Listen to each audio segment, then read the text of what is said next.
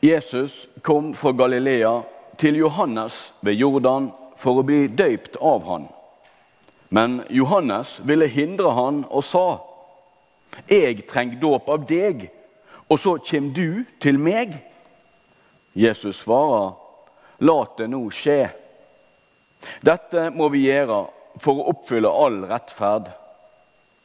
Da gjorde Johannes som Jesus ville. Med det samme Jesus var døypt, steg han opp av vannet. Og se, himmelen åpna seg, og han så Guds ande komme dalende ned over seg som ei due. Og det lydde ei røyst fra himmelen. Dette er sønnen min, han som jeg elsker. I han har jeg mi glede. Slik lyder det hellige evangeliet. For kanskje å forstå hva som eh, skjer når Johannes, som er en eh, kjendis på sin tid, en profet, som har en tiltrekningskraft på folk eh, Han er ute i ødemarken, og det kommer folk, vanlige folk, det kommer rike folk, det kommer folk med makt. Søker til Johannes for å la seg døpe.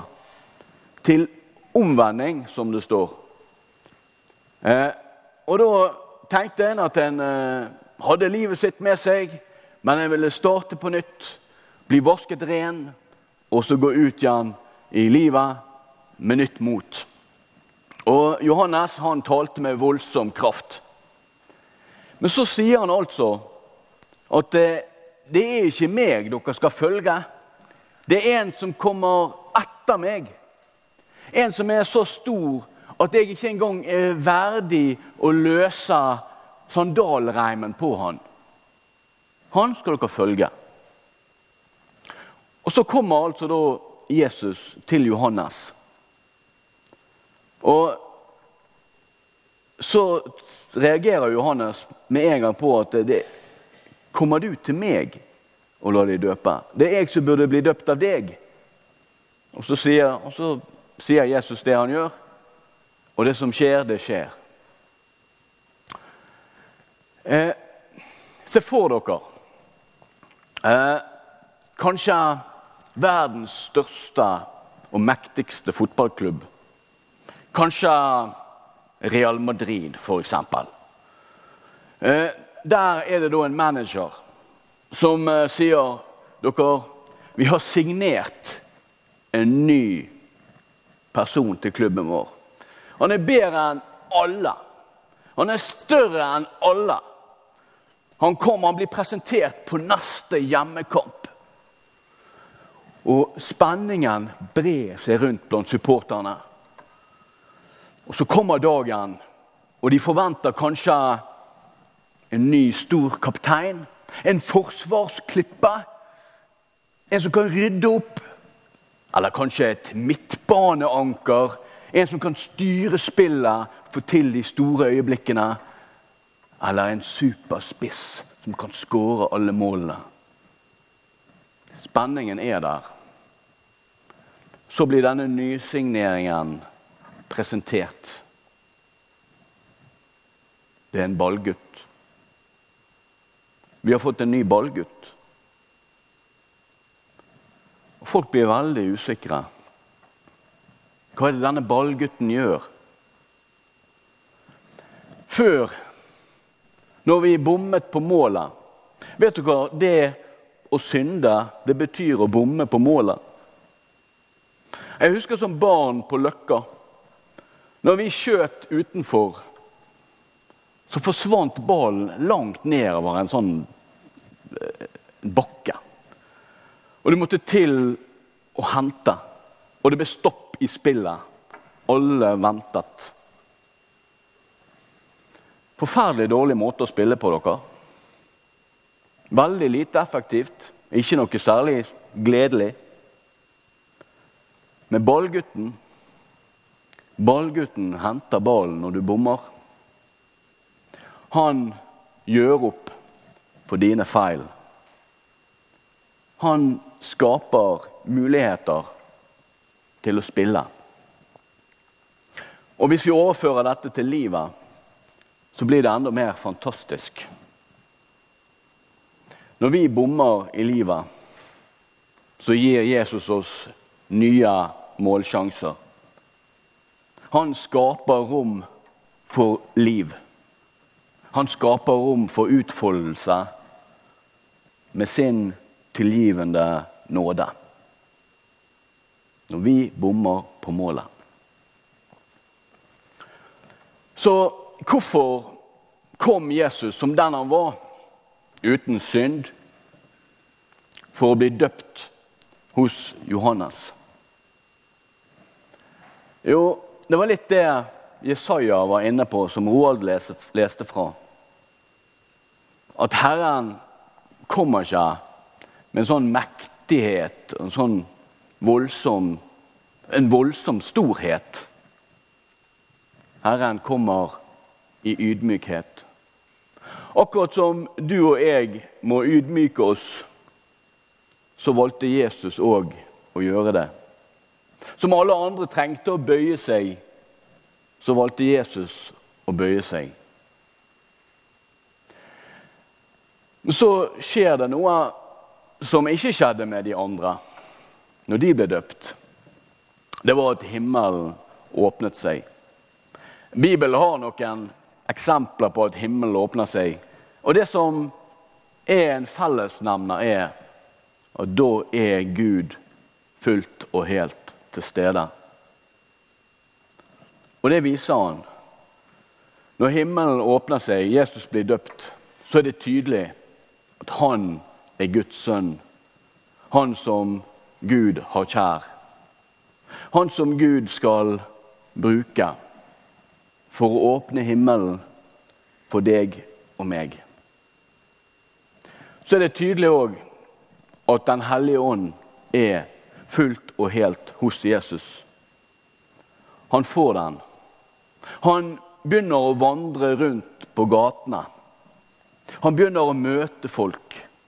Og når hans ord med hans pust lyder, så er det Guds ord som klinger. Når han gir sin tilgivelse, så blir mennesker virkelig tilgitt. Og når han sier 'se' til en som er blind, så får de faktisk synet tilbake. Jesus er fullt og helt Gud til stede hos oss. Og med Han Den hellige ånd. Så sitter vi her, da. 2020. Nytt år, nye muligheter. Det er lenge siden Jesus kom med sin kraft. Men så er Den hellige ånd hos oss fremdeles. Gud er her til stede. Vi kan ikke se han, men han virker i sitt ord. Han virker i sakramentene, i dåpen, i nattverden. Får vi en styrke som vi ikke helt klarer å sette fingeren på hva er. Og så virker han i troen vår. Det at vi som rimelig oppegående og fornuftige mennesker kan tenke at en mann for 2020 år siden var Guds sønn, og at han, det han gjorde da, det gjelder i dag. Og ikke bare for noen der ute, men for meg. Han kom og ga sitt liv for meg og for deg. Det som gjør at det går an å i hele tatt tro det, det er Den hellige ånd som gjør det. Det er den som gir oss troen. Jeg har tenkt noen ganger at jeg ikke orker.